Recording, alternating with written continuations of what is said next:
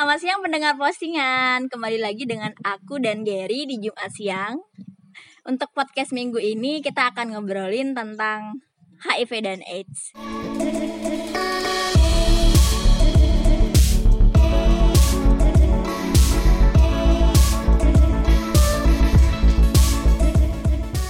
Sebelum kita masuk ke tema, kita mau sapa-sapa dulu nih teman-teman pendengar kita yang kemarin udah dengar beberapa episode kita yang lalu, terutama tentang body shaming. Iya. Iya. Banyak sekali DM DM masuk. Iya benar banyak sekali yang kemudian bercerita tentang pengalamannya mengalami body shaming baik itu dari pihak cowok maupun pihak cewek kayak gitu kan jadi insya Allah nanti cerita dari teman-teman bakal kita share juga di postingan kita Yang yang mereka udah bersedia untuk dibagikan ya iya ceritanya. iya udah kita udah diizinkan juga sama mereka gitu kan jadi Jadi terima kasih buat teman-teman yang udah bercerita. Mungkin kalau misalnya teman-teman mendengarkan episode-episode kita yang sebelumnya dan pengen cerita, boleh langsung DM ke Instagram @postingan.podcastringan. Iya, benar banget. Jadi kita punya akun IG, bisa juga lewat WhatsApp kita pribadi ya. Yang bagi yang Kenal yang kenal. bagi yang mengenal kita, aku Mama dan Gary langsung WA kita atau DM kita di Instagram juga bisa. Dan alhamdulillah sampai hari ini podcast kita sudah berumur. Satu bulan lebih ya. Satu bulan Nggak- nggak lebih. terasa ya? Sudah terasa. Eh, soalnya bahkan setiap habis posting, kemudian udah dekat-dekat hari Kamis, lalu tiba-tiba Kak mau jadi episode ini bakal ngom jadi minggu ini bakal ngomongin apa? Hah? Udah seminggu?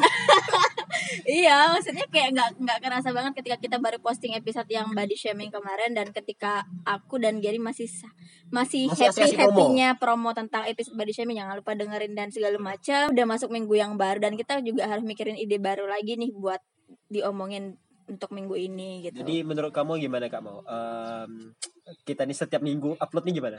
Cukup cukup mepet nggak sebenarnya?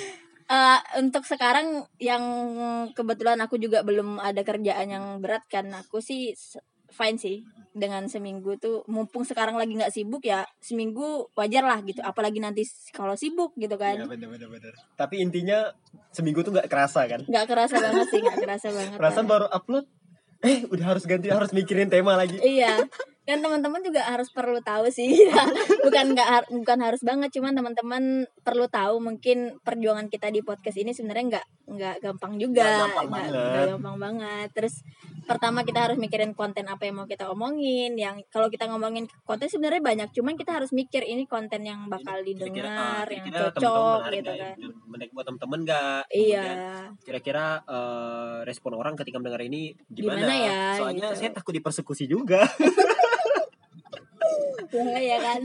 Nah abis abis mikirin konten kita bakal mikirin tempat buat record di mana. Ah. karena sampai sekarang kita juga belum, Belum ketemu tempat, tempat yang pasti. pasti buat record. Terus nanti bakal ada editing. Belum ten- eh, belum lagi misalkan kayak ada tamu mendadak, Mhm. ada tamu belum. Iya belum lagi kalau misalkan eh, teman-teman mau request atau tiba-tiba kepikiran ide yang cuma lewat iseng-iseng Mhm. itu kadang bikin bete sih ketika udah nentuin tema ini lalu tiba-tiba eh ada tema bagus muncul. Iya. Oke ngomong-ngomong kalau udah ngo- tunggu tunggu tunggu bentar bentar oke. Bentar bentar, lo ngomong apa Ger? Eh, pengen tahu dong kabar kak mau seminggu ini gimana? Kenapa lo nanyain kabar gue enggak soalnya akhir-akhir ini kemarin adminnya kan sempat sibuk tuh tapi mendadak hilang. Udah hilang lama banget ya. dan kontennya konten ini sebenarnya dibuat sangat mepet waktunya. Iya. Jadi Kak Mau nih seminggu gimana sih? Apa kabarnya habis seminggu ini? Apakah seminggu kemarin ada minggu yang menyenangkan bagi Anda? gimana ya? Sebenarnya kemarin aku tuh semangat banget buat promote tentang body shaming kan. Eh, di luar itu temanya menarik banget. Di di samping itu juga banyak teman-teman yang kayak bercerita gitu. Banyak yang DM banyak yang WhatsApp kayak ceritanya juga sampai pakai voice note bermenit-menit gitu kan. Oh oke nanti aku coba ringkas ya kita share di eh, IG kita ya gitu kan. Oh silakan dibilangkan sampai aku minta foto mereka segala gitu kan.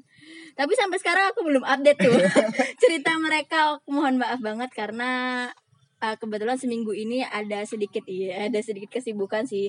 Karena kebetulan aku sekarang udah megang lima anak les kan kebetulan sekarang jadi jadi anak eh jadi guru privat ya. Mumpung mumpung lagi nunggu kerjaan yang pasti karena aku juga masih nunggu ijazah jadi belum ada ngelamar sama sekali. Nah di samping itu kebetulan anak aku masuk rumah sakit ger gitu. Oh. namanya Najla kan masuk rumah sakit lima hari kemarin dan baru keluar. Oh, udah, udah udah udah keluar ger.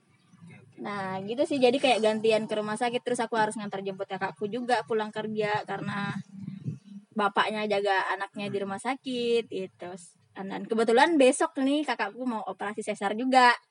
Jadi dia punya bayi yang belum 2 tahun dan sekarang dia udah mau lahiran lagi ya gitu deh. Sangat produktif sekali. Sangat produktif. Wow, hebat hebat. Jadi karena aku cuma satu-satunya saudara kakakku ya, ya aku ya mau nggak mau aku yang jagain Iya, gitu benar. kan. Ya gitu sih. Itu klarifikasi aja Jadi, karena jadi intinya satu minggu Kak Mo ini sangat hektik ya. enggak juga. aku hektiknya baring-baring karena cuacanya dingin gitu. dingin dan Iya, buat anak satu minggu ini hujan terus. Iya, Bikin bete. bikin bete dan bikin mager. Iya. Untung ada podcast yang membuat kita berpikir dan, terpaksa, produktif. keluar rumah. Kalau enggak pasti di rumah nih sekarang, adem soalnya. Itu sekian cerita dari kamu dalam satu minggu terakhir Kalau ini. lagi lu gimana, Gar? Oh, mau nanya aku juga. Iya, gimana? Ya, kalau aku satu minggu ini ya kuliah. Eh, enggak sih. Satu minggu ini aku kuliah bolos semua. Eh, bukan bolos, semua mamam. Klarifikasi bukan bolos. Jangan jangan ditiru. Bukan Ini polos. adegan berbahaya dan hanya dilakukan oleh profesional, oke? Gini, gini, niatnya bolos. Eh, dosennya juga ikut bolos. aku aku udah WA kan, aku kan kemarin eh, daftar ke salah satu kayak acara dari pemerintah provinsi gitulah kan. Oke, apa tuh? Uh, kick off satu data Kalimantan Barat Mhm. 2018. Oh. Nah, aku kemarin eh, daftar itu. Eh, ternyata dinyatain lolos kan soalnya kuotanya terbatas. Jadi Mhm. diumu- diumumin tuh hamin satu acara aja hari Minggu dan acara tuh hari Senin dan jadwal, acara dan jadwal kuliah itu bentrok sebenarnya. Mhm. Jadi waktu Minggu malam dapat notifikasi itu langsung lah eh, chat WA dosen Pak, eh, perkenalkan saya mau saya mau izin kelas Bapak karena saya menghadiri kegiatan ini lalu screenshot screenshot undangannya gitu kan. Hmm. Eh, cuma dirin gak dibalas. Pikir kok ngapa ini dosen gini kan? Lalu pagi-pagi besoknya dia bilang, "E, hari ini kelas nggak ada ya karena saya nggak masuk katanya. ya, seenggaknya balas pesan ke. eh, ud- udah niat bolos, eh nyata dosennya juga bolos. Belas berarti ini ya ya. simbiosis mutualisme ya. Dan itu dan itu berlangsung satu minggu ini. Wow. Karena minggu depan ujian kan. Tapi anehnya satu minggu terakhir ini malah bolos semua. Iya. Ya wow luar biasa sekali nggak nggak kuliah. Jadinya ya Banyak waktu itu kosong. kebahagiaan buat mahasiswa sih Ya. gua tahu sih. banyak waktu kosong, banyak waktu untuk ngojek dan banyak waktu untuk menikmati hujan. Kayaknya lu punya kenangan tersendiri di dalam hujan Gar. Eh, untuk untuk orang-orang ngojek hujan itu sedikit bermasalah. Oh iya. Iya, nanti kita cerita di Oke. next episode Next ya. episode kita bakal ceritain profesi kita. daily ojol lives Enggak bakal tentang eh profesi masing-masing. masa cuma tukang ojek. Ini mah monetisasi tukang ojek ini. Oke. Masuk ke kasus ini lah langsung. Oke, eh, kita juga mau terima kasih banyak kepada teman-teman pendengar kita karena hingga hari ini podcast kita udah didengar oleh 295 pendengar ya. Walaupun sebenarnya itu bukan orangnya ya, Ah, wal- 295 tapi udah diputar kali. 255 kali gitu kan. Dan itu suatu prestasi yang Iya. wow, satu bulan ada 200 lebih. Alhamdulillah sih ya, kita bersyukur sih. Kita nggak membayangkan hal ini. Iya, karena. Mhm. ya senang sih maksudnya harapannya kita bisa tembus seribu gitu kan maksudnya dalam tiga bulan Biar gitu. bisa cepet-cepet promo di Instagram. iya jadi kita mau terima kasih banyak buat teman-teman pendengar semua semoga yang kemarin udah dengar episode-episode kita bahkan balik lagi di episode seterusnya dan semoga pendengar kita semakin banyak lagi yang baru-baru gitu Oke. yay Nah, ngobrolin soal HIV. Kenapa tiba-tiba kita ngobrolin ini, Kak Mo? Kenapa kita ngomongin HIV AIDS karena kemarin kita baru aja memperingati hari hari AIDS dunia Gar Itu tanggal 1. tanggal 1 Desember kita peringatan Hari AIDS Dunia. Kenapa sih harus ada peringatan Hari AIDS Dunia? Karena ya orang setiap kita udah tahu ya kalau HIV itu katanya berbahaya, bisa membunuh segala macam. Aha. Dan bagaimana caranya kita mau terhindar dari HIV kalau kita tidak paham soal penyakitnya? Bagaimana kalau kita tidak aware gitu kan? Dan oleh karena itu dan yang kita tahu kan HIV juga belum ada obatnya nih. Mhm. Nah, makanya hari peringatan AIDS sedunia tuh memang harus dirayakan. Iya. Karena kalau misalnya nggak ada Hari Peringatan AIDS Dunia itu mungkin orang nggak tahu kan kalau kita memperingat gimana ya? Kalau AIDS dan HIV itu penting untuk kita pikirkan selalu gitu kan atau uh, sebenarnya aware atau aware tahu gitu tahu gitu kan pertama tentang eh, kita nggak boleh mendiskriminasi Oda gitu. Ini kan misi Hari AIDS dunia sebenarnya adalah no stigma and stigma and discrimination segala macam. Nah jadi bagaimana peran kita yang status HIV-nya negatif kepada teman-teman yang status HIV-nya positif gitu sebenarnya. Oke, sepertinya sudah semakin jauh nih pembahasan kita. Kita Oke. sebenarnya agak takut kalau ngebahas HIV karena sebenarnya orang-orang di luar sana juga aku yakin banyak banget banyak yang udah tahu. tahu. Tapi khawatirnya pengetahuan mereka tentang HIV itu keliru. keliru ger. Iya, karena yakin banget sih aku. Banyak banget yang keliru. Karena kebetulan buat informasi teman-teman aja aku dan Gary ini sebenarnya dipertemukan dari salah satu seleksi duta HIV Kalimantan Barat. Iya, berprestasi sekali padahal. Padahal saya cuma finalis dan kamu adalah duta intelijensia. Wah, wah, wah, wah, Jadi dia emang udah cukup paten ya. Enggak, enggak, udah enggak, paten enggak. kali. Betul sekali. Nah, eh, kalau ngomong-ngomong tentang duta HIV, dulu sebenarnya aku dan Gary ini adalah junior senior kan. Udah kita ceritain di pilot Kak. Pilot episode. Nah, cuman kita semakin kenal dekat gitu ketika di duta HIV. Kenapa? Kalau aku pribadi kenapa aku waktu itu ikut duta HIV? Karena pertama aku pengen tahu dunia duta itu seperti apa. Yang kedua aku pengen tahu kayak HIV itu seperti apa sih? Dulu aku sebagai masyarakat umum itu juga eh, nggak tahu tentang HIV lebih dalam. Aku taunya HIV itu berbahaya, HIV itu menakutkan, menyeramkan dan bikin orang mati. Nah, salah satu motivasi aku ikut karena aku pengen tahu lebih dalam dan pengen dapat ilmunya gitu lewat duta HIV. Oh gitu. Mhm. Motivasinya sungguh sangat itu ya, educational sekali. Iya, sebenarnya kita sih bisa aja belajar di Google Gar. Cuman kalau sesuatu yang kita pelajari nggak ada unsur keterpaksaan gitu biasanya kurang sih. kurang kurang berhasil ya. kurang berhasil ya benar-benar benar kayak gitu. Oke, jadi dari sedikit edukasi atau pelajaran yang kami dapat selama Duta HIV 2017, kami akan membagikannya kepada teman-teman semua pada pendengar postingan. Ya walaupun sebenarnya kita nggak tahu banyak yang lebih dalam kayak orang-orang volunteer eh, HIV gitu kan. Kita ya adalah ilmunya sedikit yang mungkin kalau kita share ke teman-teman bisa bermanfaat Bisa, bisa bermanfaat. buat teman-teman semua. Oke, jadi sebenarnya HIV itu kalau yang lu pahami apa Ger? eh HIV itu adalah virus. Dia sama kayak virus-virus biasa kayak flu ataupun Mhm. yang lain-lain itu karena eh, HIV itu adalah human immunodeficiency virus. Itu Aha. adalah virus yang menyebabkan turunnya sistem kekebalan tubuh manusia. Mhm. Ih, sungguh teoritis sekali bahasanya ya. Iya, tapi emang gitu sih. Nah, memang gitu Emang nggak ada bahasa yang paling sederhana, itu udah paling Itu paling sederhana. sederhana. Memang virus yang masuk ke dalam tubuh dan menurunkan sistem kekebalan tubuh Mhm. dan menyebabkan AIDS sendiri. gitu. Iya. Jadi yang perlu ditekankan adalah HIV itu adalah virusnya tadi. Mhm. Nah, sebenarnya mungkin di orang-orang di luar sana itu nggak tahu perbedaan HIV dan AIDS. Banyak yang Bahkan, menyamakan Iya, bahkan biasa penulisannya juga ditulis HIV AIDS. slash AIDS Ah. kan. Tapi sebenarnya tulisannya tuh HIV dan AIDS Ah. atau HIV spasi AIDS. Ah, Nah, yang benernya kayak udah, gitu. udah udah fase yang berbeda. Iya, itu udah pasti yang berbeda benar. Karena sebenarnya semua orang di dunia ini itu sebenarnya status HIV-nya ada. Ah. Cuman bedanya ada negatif, ada positif gitu kan. Nah, kalau kita alhamdulillah negatif ya. Udah udah pernah tes. Udah pernah tes juga dan status kita negatif gitu. Nah, bagi teman-teman yang penderita HIV berarti statusnya positif gitu kan. Kalau AIDS itu, nah AIDS itu adalah Kalau AIDS itu adalah udah memasuki fase akhir dari HIV tadi. Jadi Iya. misalkan eh, kita bahas dari definisinya dulu ya. AIDS itu adalah acquired immunodeficiency syndrome. Nah, itu adalah sekumpulan penyakit yang muncul akibat sistem kekebalan tubuh yang turun. Jadi Iya. misalkan cuma batuk pilek, tapi misalkan hal itu disebabkan oleh karena status HIV tadi, itu sama dan udah udah termasuk AIDS tadi sendiri. uh-uh, udah masuk AIDS. AIDS. Uh, Nah, jadi uh, kalau AIDS sendiri itu adalah fase akhir dari satu siklus HIV. Jadi misalkan kita udah pertama pertama misalkan aku udah uh, tubuhku udah terkontaminasi dengan virus HIV tadi. Lalu ujung-ujungnya tanpa pengobatan, aku nggak tahu sama sekali, nggak pernah tes, nggak pernah cek. Lalu uh, virus ini membelah diri banyak, semakin banyak dalam tubuh aku. Lalu ujung-ujungnya sistem kekebalan tubuhku tun- menurun dan akhirnya mulai timbul-timbul penyakit. Dan Mhm. penyakit apa pun itu yang muncul itulah namanya AIDS tadi. Iya. Jadi kalau aku simpulin itu sebenarnya AIDS itu adalah sekumpulan berbagai penyakit yang disebabkan oleh turunnya turunnya kekebalan tubuh, tubuh karena- karena, virus HIV Hmm, gitu. gitu. Jadi kalau misalnya orang udah terserang HIV, ketika ada penyakit yang masuk Ah, akan mudah banget tuh misalnya lu kena pilek gitu kan.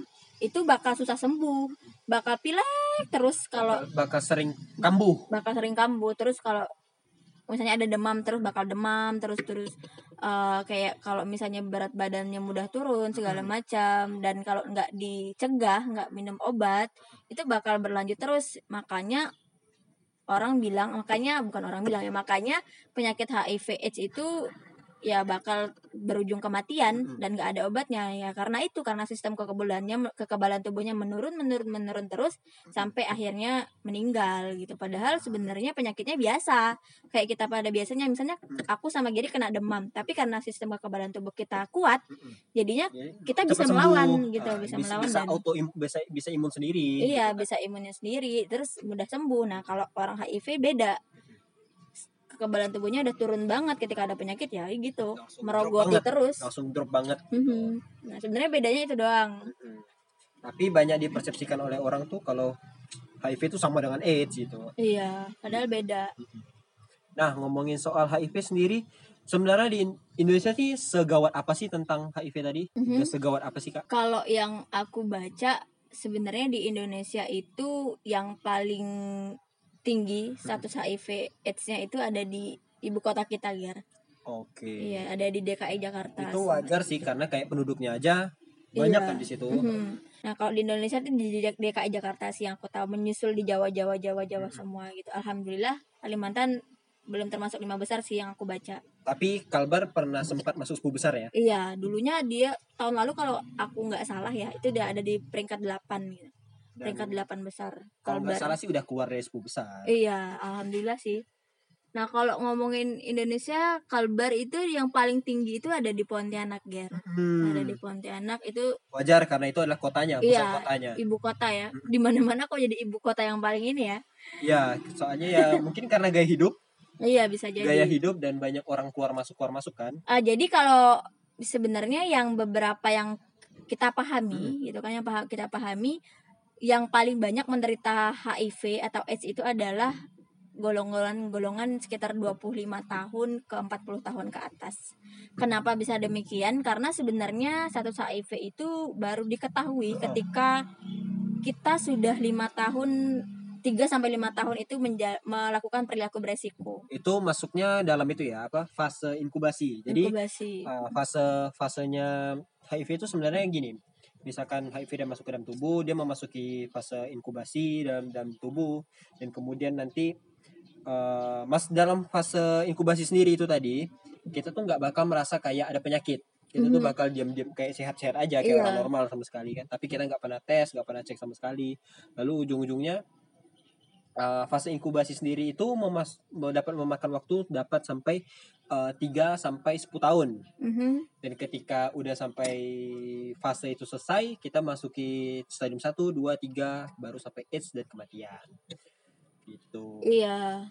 Jadi sebenarnya kalau misalnya jadi kita kasih contoh kalau misalnya ngelihat orang itu paling banyak rentang umurnya di 25 sampai 40 berarti kemungkinan dia melakukan perilaku ah, beresiko perilaku beresikonya tadi itu di sekitar umur belasan atau 20-an gitu kan. Hmm. Jadi kalau misalnya kamu kena HIV nggak mungkin nggak akan kelihatan oh aku sakit gitu langsung sakit tuh enggak. Dia bisa 5 sampai 10 tahun ke depan kamu baru merasakan sakit baru biasanya baru kedeteksi. Jadi kalau bisa misalnya ketika kalian udah ngerasa melakukan perilaku beresiko ya segera segera melakukan cek cek VCT kan nah namanya. misal nah ngomong-ngomong soal perilaku beresiko perilaku beresiko yang dapat men- menyebabkan kita tertular HIV itu apa apa aja sih sebenarnya kak sebenarnya setiap orang ini setiap orang di dunia ini rentan memiliki, memiliki potensi, potensi untuk menjadi perilaku beresiko. Cuman emang ada bedanya kalau yang penyumbang status HIV terbesar itu adalah Oke, jadi eh, sebenarnya penyumbang status HIV AIDS terbesar itu adalah orang-orang yang sebenarnya menjadi populasi kunci. Apa itu populasi apa sih kunci? itu sebenarnya populasi kunci itu? Populasi kunci itu sebenarnya kayak orang yang beresiko tinggi. Kalau kita kan semuanya memang beresiko tapi dia lebih beresiko tinggi buat karena karena karena Iya. sifatnya tadi ya karena apa kayak melakukan tindakan berisiko lebih sering dan segala iya macam. benar. Kayak kuantitas dia beresiko lebih tinggi kan. Kayak contohnya LSL LSL itu kayak lelaki seks lelaki gitu kan. Terus kayak PSK terus ada waria wanita yang jadi pria kemudian ada lagi satunya laki berisiko tinggi Iya LBT. LBT itu maksudnya adalah lelaki beresiko tinggi, beresiko tinggi yang dalam artian dia tuh mobilitasnya tinggi, kayak dia pergi sering pergi ke mana-mana, kemudian meninggalkan istrinya barangkali kan. Terus dia juga orang yang punya money gitu, punya ya berduit lah ibaratnya. Jadi ya mungkin juga Mhm. karena dia juga eh, apa ya misalkan kayak pekerja medis Iya. tenaga medis Mhm. nah itu juga akan memiliki risiko juga cukup tinggi di situ Iya. Jadi kayak misalnya kamu ger pergi ke kota mana gitu kan, jauh misalnya lama dalam durasi yang lama, ya aku sih nggak nggak mem- bisa memungkiri ya kalau laki-laki tuh punya hasrat, begitu pun juga perempuan kan. Jadi ketika jauh, kemudian mungkin terasa kesepian dengan sibuk dan bosan akan kerjaan kantor ya itu nggak bisa dipungkiri kita kalau kita nggak kita nggak munafik ya itu itu ada ya itu dan ada. itu normal gitu, itu normal. kita terlepas dari agama deh ngomong gini Iya, terlepas dari segala macam itu ya. Jadi apalagi kalau misalnya kasusnya Gary berduit gitu kan. Oh, aku ada duit jadi dia bisa nyewa PSK di mana pun dia pengen gitu. Nah, itu dibilangnya LBT itu gitu. lelaki yang berisiko tadi Mhm, laki beresiko Nah. tinggi. Eh, jadi sebenarnya tindakan berisiko tadi sebenarnya apa sih kamu belum terjawab nih sebenarnya tindakan contoh-contoh tindakan berisiko tuh kayak apa sih kamu Contoh tindakan beresiko ya kayak kayak tadi, Iya. melakukan hubungan seksual, terus transfusi da- transfusi darah Iya, ini adalah hal-hal beresiko yang bisa menyebabkan Iya, kamu terjangkit virus HIV kan. itu HIV itu bisa tertular hanya bisa tertular Hanya bisa tertular. melalui hubungan seksual Mhm. kemudian melalui darah darah transfusi darah yang nggak lewat Nggak, PMI yang- yang gitu kan steril, yang yang nggak steril. steril bisa lewat penggunaan jarum suntik penggunaan jarum suntik yang Yang bersamaan bergantian, bergantian gitu. Nah, kemudian terakhir adalah lewat ASI asi dari ibu ke anak Nah, kan kita udah tahu nih tindakan berisiko tadi. Oleh karena itu sebenarnya berarti siapa aja tuh sebenarnya beresiko bisa berisiko dan bisa menghindarinya. Eh, apa sih ada nggak sih kiat-kiat khusus untuk ketika kita mau menghindari penyakit ini, Kak? Ma? kiat-kiat khusus ya kalau ngomong kiat-kiat ya pertama kamu harus setia pada pasangan kamu gitu kan karena hubungannya dengan hubungan seksual nah tapi hubungan seksual ini sebenarnya nggak semuanya berbahaya kan. Cuman kita nggak tahu memang kalau misalnya kita punya pasangan kemudian pasangan kita entah sering bermain di luar jajan-jajan terus pulang lagi ke rumah. Ini contohnya pada kasus ini Ger di Pontianak tahun 2018 itu profesi kedua yang terjangkit HIV yang paling besar itu ibu rumah tangga setelah profesi profesi swasta. Oke, kenapa bayangkan ibu rumah tangga Ibu rumah yang tangga. harusnya yang harusnya cuma di rumah nggak ngapa-ngapain, Mhm. tapi bisa menjadi pekerja eh, list Bisa- pekerjaan nomor dua terbanyak terjangkit HIV. Iya, itu kan sebenarnya itu? aneh kan? Aneh banget gitu kan. Eh, itu terjadi karena suaminya ya kan, suaminya yang nggak menuduh suaminya Iya. semua suami, suami gitu sih. Iya. Tapi ini kemungkinannya salah satu adalah tadi Mm-mm. lanjut. Ini kemungkinan terbesar sih, Ah, tapi bisa terbesar. bisa jadi juga ibu rumah tangganya yang bermain juga kan. Kita nggak tahu, tapi itu kemungkinannya kecil. Ya, jadi suami, dia punya suami yang sering jajan di luar, kemudian eh, kan misalnya suaminya sewa PSK. Nah, yang jelas PSK itu kan kita sebenarnya belum tahu PSK itu benar-benar sehat atau Iya, kita nggak tahu kan, karena ya namanya PSK dia pasti sering bergantian dong sama laki-laki lain.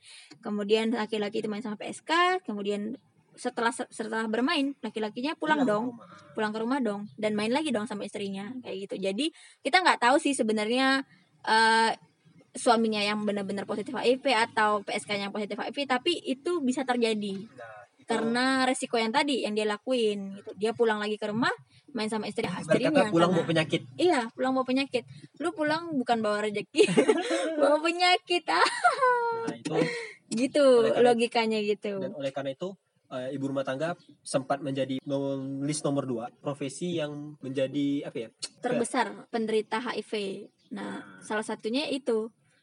Bahkan sampai setahun ini ibu rumah tangga masih memegang pre- predikat yang kedua. apa itu ya apa terjangkit baru terjangkit Iya. baru statusnya dan bayangkan ibu rumah tangga aja yang harusnya cuma kayak em, masak-masak di rumah cuma kayak Mhm. nyiapin anak nyiapin, Mm-mm. nyiapin eh, kebutuhan anak dan rumah dan lain-lain tapi ujung-ujungnya bisa menjadi eh, peringkat nomor dua untuk status terjangkit baru HIV Iya, belum lagi nanti kalau ibunya punya anak, Nah, misalnya menyusui anaknya lewat ASI, wah itu lebih parah lagi udah. Nah, lanjut lagi dong tentang tadi tips eh, tips tadi yang apa? Gimana cara menghindari supaya kita tidak terkena terjangkit HIV. HIV ya. Yang kedua itu lewat darah. Jadi pertama lewat hubungan seksual yaitu lewat cairan mani. Nah, BTW virus HIV itu hanya hidup di cairan-cairan tertentu. Jadi pertama di cairan seksual atau kita bisa bilang cairan mani kan. Terus yang kedua itu di darah. Yang ketiga itu di ASI. Mm-mm. Dah, Udah, itu aja. nggak bisa. Jadi dia keringat tuh nggak apa ya? Nggak ada. Keringat, liur, kemudian kayak apa ya? Bahkan cuma sentuhan tangan. Iya, enggak. Sentuhan tangan, sen- sentuhan kulit ke kulit gitu. Mm-mm. Berarti enggak ya? Enggak, karena uh, virus HIV itu pertama dia harus hidup di cairan yang jumlahnya besar. Kayak darah kan jumlahnya banyak. Dia harus eh, dia harus eh, jumlah pertama dia pertama virusnya harus tetap hidup. Mhm, Kedua itu jumlahnya harus harus mencukupi, untuk mencukupi menjangkiti untuk orang. dijangkiti ke orang. kemudian dia harus bisa keluar dari inangnya tadi Iya, yang ke misalnya dari tubuh Gary ah, baru harus masuk harus ke tubuhku keluar. dulu Ah, habis gitu. itu yang terakhir itu baru harus bisa masuk harus bisa masuk ke. Hmm, orang-orang berikutnya gitu iya, dan gitu. jadi udah di make sure kalau ternyata lewat keringat lewat sentuhan tangan sentuhan kulit habis itu lewat air liur atau jadi itu nggak menyebarkan ya Mhm. jadi nggak menyebarkan HIV jadi misalnya kayak kita mau mandi satu kolam dengan orang HIV juga nggak masalah Mhm, gitu. Iya benar. Nah, Oke, lanjut lagi soal tips tadi lanjut lagi. Kedua lewat darah. Lewat darah itu berarti uh, Transfusi darah. Transfusi Jadi darah. harus lewat PMI Nah, gitu kan ya. PMI udah menyaring dulu ya Menyaring sebelum dulu. boleh ditransferkan ke orang lain kita udah udah di udah di itu sudah dipastikan kalau darah kita tuh sehat Ah, gitu bersih dan murni eh lu kira susu. Kemudian? Jadi nggak boleh transfusi darah sembarangan ya biar misalnya nggak lewat PMI atau nggak lewat RS yang terpercaya gitu kayaknya dihindari deh atau Hindari. mungkin lewat black market. Lewat deep web ya. Dikira beli HP kali ya. Beli HP bekas curian black Aduh. market kan oke oke oke lanjut lanjut selanjutnya jarum suntik tadi jarum suntik jarum ya suntik atau penggunaan alat-alat narkoba jarum suntik atau alat-alat medis yang Mhm, tidak steril mhm. itu Iya. berarti itu udah harusnya kebijakan ke rumah sakit sendiri ya berarti kayak satu orang hanya boleh menggunakan satu jarum suntik ya. Mhm. itu berarti kembali ke kebijakan eh, rumah sakit sendiri bagaimana Iya. soal manajemen kebersihannya dan lain-lain Iya. Jadi kalau misalnya mau pakai jarum suntik, eh, ini kita lebih ke mengarahnya ke ini sih pengguna narkoba yang pakai Oh, jarum iya. suntik kan. Jadi kalau ya kita sih nggak pengen banyak pemuda yang pakai narkoba, cuman kalau misalnya So, ada udah, yang udah, make, udah ada yang make. udah ada make terus dia udah make sekali itu udah nggak usah dipakai lagi. Atau nggak usah minjam punya teman. Ah iya. Pakai punya sendiri dan sekali doang gitu misalnya. Atau se- sederhananya kalau misalnya kalian cukur rambut di luar kan cukur rambut di salon. Kalau bisa ya memang minta sama tukang cukurnya ya ganti silet ya. diganti siletnya. Kan kita satu nggak kita nggak tahu kan itu di- bekas dipakai sama siapa terus mungkin dia luka Oh. gitu kan. Walaupun sebenarnya itu resikonya kecil karena virus itu nggak bisa hidup di daerah yang yang di yang luar terlalu kering nggak terlalu bisa. kering nggak bisa gitu kan tapi ya bisa diminimalisir lah. Ah, seenggaknya kita eh, itulah apa ya, mengurangi. mengurangi resiko-resiko yang kemungkinannya ada. Iya Jadi, benar. walaupun nggak 100% tapi kan kemungkinannya ada. Kayak Heeh. 0, sekian itu kan tetap termasuk terhitung kan iya betul betul. Nah oleh kayak gitu itu aja sih sisanya kan dari ibu ke anak. Ah kalau ibu Nah. anak itu sendiri eh, lihat asi tadi bisa. Jadi misalkan Mm-mm. ibu ibu yang positif HIV mengandung anak. Nah itu bisa menularkan juga jadi Hmm. sebenarnya kita pengen tapi ini Gar tapi bukan berarti kalau orang yang misalnya aku nih aku wallahu alam ya aku kena HIV misalnya terus aku bukan berarti nggak bisa punya anak itu ada program pemerintah lagi namanya kalau nggak salah PPIA gitu. aku sebenarnya mau nyari bridging sih dari tadi ke situ iya tapi ntar aja deh uh, kita nggak terlalu mendalami tentang PPIA sih tapi yang aku tahu itu ada misalnya nih contoh misalnya aku sama Gary ini berkeluarga misalnya terus aku HIV gitu kan. Gary enggak misalnya. Terus bukan berarti kita nggak bisa berhubungan seks kita Atau- tetap atau bisa berhubungan nggak- seks. nggak bisa berkeluarga gitu kan. bisa iya misalnya jadi sebenarnya itu tetap bisa karena ada program dari pemerintah ada tadi. programnya. Nah program ini dapat me- menjamin bahwa si suami tetap bisa tetap sehat. Misalnya kasus kayak tadi Iya. suami tetap bisa tetap sehat dan anaknya bisa tetap sehat Mhm, dalam berkeluarga tapi harus melalui eh, program-program yang telah disediakan itu tadi. Iya jadi kalau misalnya teman-teman pendengar Mhm. ada salah satu dari penderita atau misalnya Atau mengalami punya- kasus tersebut atau gitu punya kenalan yang Ah, ah, atau punya Ah. kenalan teman seperti itu ya bisa langsung eh, curhat atau bukan curhat deng Seenggaknya kalau misalnya Konsultasi. ah, misalnya teman-teman mau mau tahu, misalnya teman-teman mau tahu apakah dia udah udah men- menjalani pengobatan atau mungkin Mhm. dia atau kita pengen belajar dari dia bagaimana tentang pengobatan HIV itu gimana sebenarnya. Mhm, mhm. Nah, teman-teman bisa langsung konsultasi sama dia, bisa cerita-cerita sama dia. Seenggaknya kita nggak harus menjauhi dia. Iya, konsultasi sama ini sih, sama mengalami kasus yang kayak tadi kita bilang, Iya. bisa langsung konsultasikan sama rumah sakit terdekat. gitu. Nah. mereka pasti ada programnya. eh pengen nanya, apakah semua orang dengan HIV itu pasti akan mati? Oh enggak dong, enggak enggak banget. sebenarnya kan tadi kita udah bilang kalau sebenarnya orang HIV, kita juga HIV. Jadi semua orang di dunia ini sebenarnya HIV, cuma statusnya beda. Jadi stigma atau mindset kebanyakan orang yang bilang kalau orang yang udah kena HIV itu bakalan mati itu salah besar sih kalau menurut aku. Emang manusia itu sebenarnya bakal mati sih. tapi- Iya, cuman kan ada penyebabnya dan ada usaha yang harus dilakukan gitu. Dan orang HIV itu nggak nggak pasti mati, HIV nggak harus mati dan belum tentu pasti mati secepat itu yang orang lain pikirin gitu. Kenapa bisa terjadi? Karena sebenarnya orang HIV itu sama kayak kita biasa, dia nggak merasakan sakit. Ini aku bilang ya, ini yang bar- ma- masih berstatus HIV. Jadi dia sama kayak kita, dia nggak merasain sakit, dia biasa aja dan dia bahkan bisa beraktivitas kayak kita layaknya manusia biasa. Tapi bedanya dia harus minum obat. Nama obatnya itu ARV kan, antiretroviral virus.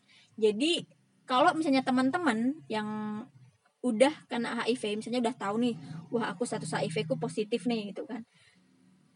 Konsultasi, kalian bisa konsultasi ke rumah sakit terdekat atau puskesmas terdekat. Di situ semuanya sudah Dan itu menyediakan. gratis ya. Dan itu, gratis.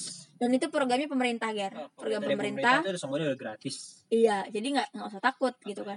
Tes gratis, terus obat ARV bakal gratis seumur hidup kamu. Yang penting yang penting kamu rajin aja datang ke itu ya. Iya, benar. Yang penting jangan bolong-bolong. Penting Mhm. ikutin aturannya, ikutin mekanismenya. Mhm, dari benar. Kita kasih contoh aja deh tadi case-nya. Misalnya aku sama Gary, Gary HIV positif, aku HIV negatif. Nah, bedanya aku sama Gary cuman Gary harus mengkonsumsi obat ARV ah, so- seumur hidup. Supaya eh, apa ya sistem kekebalan tubuh aku bisa terus bertumbuh karena Iya. karena ini dah karena agak medis sih, dah ya. Jadi eh, aku harus minum obat itu ya sistem kekebalan tubuh aku tetap naik, tetap tetap stabil Tetap terus stabil. supaya aku bisa beraktivitas layaknya seperti biasa, iya. Nah, Dan itu. obat ARV itu harus diminum setiap hari dan ada waktunya. Misalnya sehari tiga kali jam 6, jam sekian, jam sekian. Nah, itu harus disiplin. harus rutin, harus rutin. Harus rutin dan disiplin gitu. Nah, bedanya cuman kayak kayak gitu doang. Aku sama Gary nggak ada beda yang lain lagi. Nah, kecuali HIV itu penderita HIV itu bisa mati karena ketika dia ketika dia nggak nggak- tahu status dia udah positif kemudian nggak pernah menjalani uh, pengobatan tes pengobatan. lalu nggak pernah uh, nggak pernah apa ya nggak pernah mau untuk mencari tahu apakah dia itu positif atau enggak Mhm. nah itu bisa menyebabkan kita uh, meninggal karena AIDS tadi Iya. Jadi kalau udah udah nggak pernah cek dan nggak tahu status HIV-nya dia bisa langsung kena AIDS.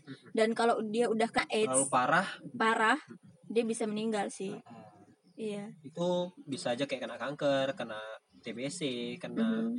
ya penyakit penyakit berat lah karena sistem imun kita udah nggak ada kan Iya, itu bener-bener. bisa menyebabkan uh, penyakit kita sakit parah deh dengan itu Mhm. Oke, gitu sih. Nah, jadi kalau tadi misalnya ngomongin em, mau tes segala macam segala macam em misalnya teman-teman malu nih mau tes apakah sebenarnya perlu malu gak sih untuk mau mencari tahu tentang ini hasil kita tes kita nih apakah kita harus malu gitu misalnya kita mau tes apakah kita ketika harus tes itu eh, bakal dilihatin banyak orang gitu. Mhm. ketika ditanya orang kamu apa? Mau tes HIV? Oh kamu HIV ya gitu. Iya, jadi, jadi, kan harus gimana sih? Iya. Eh, jadi misalnya lah aku misalnya kena HIV aku kan pasti punya rasa nanti kalau orang tahu bahaya nih gitu kan aku bakal dijauhin aku bakal ditinggalin Padahal dan- belum tentu hasilnya belum positif. tentu. iya cuman em, pasti akan ada ketakutan-ketakutan yang seperti itu gitu kan Karena ujung-ujungnya karena tadi kita baru tahu ternyata HIV itu sangat mudah sekali menyebar iya dan rentan sekali rentan rentan sekali kita tuh tersebar Mhm. terjangkiti virus itu sendiri. Mhm, bener-bener. Nah, jadi sebenarnya kalau teman-teman mengalami kasus seperti yang aku bilang tadi, Mhm. pertama teman-teman gak usah takut, ya. karena di semua puskesmas hampir ya, hampir semua puskesmas dan rumah sakit itu sudah menyediakan yang namanya layanan VCT.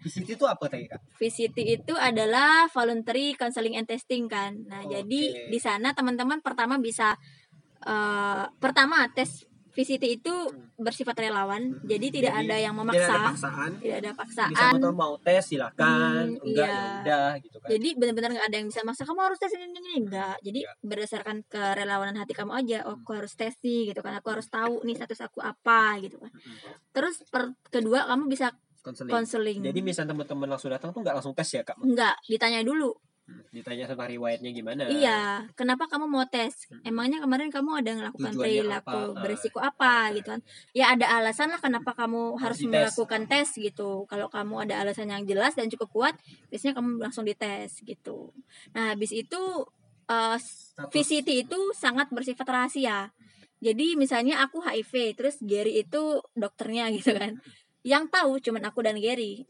dan Gary juga udah makan sumpah gitu atau udah pegang janjinya di profesi dia buat nggak nyebarin itu ke siapa-siapa jadi sam- bener-bener teman-teman tuh nggak perlu ngerasa takut dan khawatir kalau status kamu itu bakal diketahui Ah, bakal dibongkar ke orang dibakar luar ke gitu orang ya. luar gitu.